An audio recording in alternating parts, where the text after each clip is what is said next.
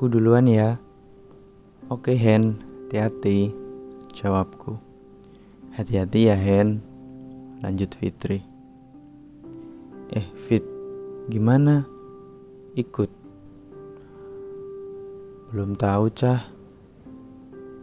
Harus tanya bapak ibu dulu. Tapi kalau Dewi ikut, mungkin aku diizinin. Tidak lama kemudian, Dewi keluar dari kantor. Dewi, Dewi, sini. Dewi, minggu depan diajak camping sama Henry. Mau ikut nggak? Camping? Di mana? Di atas angin, di bukit. Yang ikut Henry, Cahya, kamu sama aku.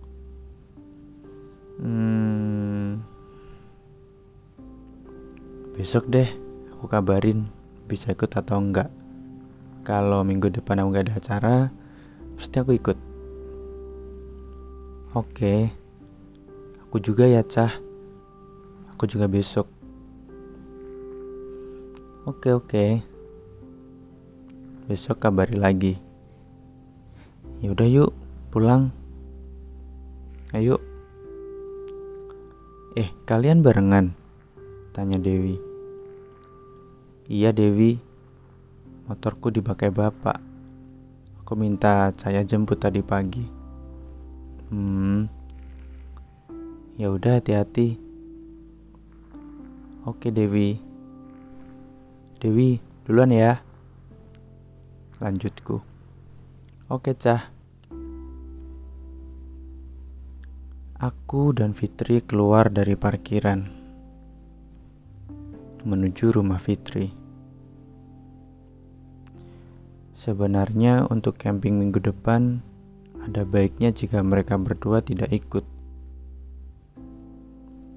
Karena ada resiko tersendiri ketika mengajak wanita bermalam di luar.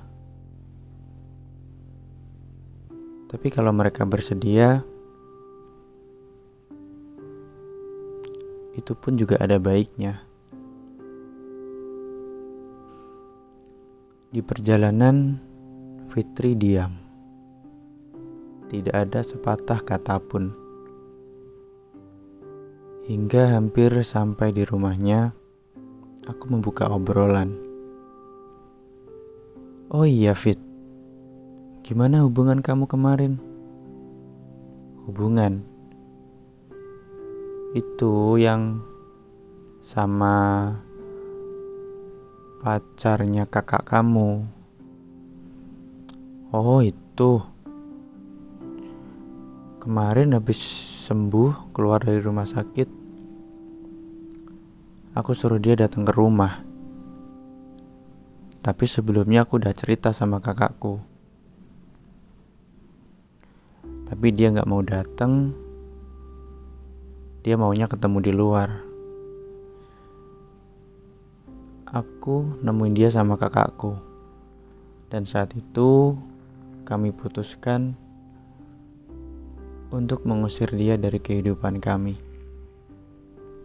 Ya udah. Aku dan kakakku akhirnya sadar bahwa dia tidak pernah benar-benar serius dengan kami, dengan salah satu dari kami. Dan ku dengar dia sudah dekat lagi dengan teman kakakku. Ya mungkin dia tipe cowok yang seperti itu. Ya udah nggak apa-apa. Aku juga udah nggak peduli lagi sama dia. Hmm, fit udah sampai.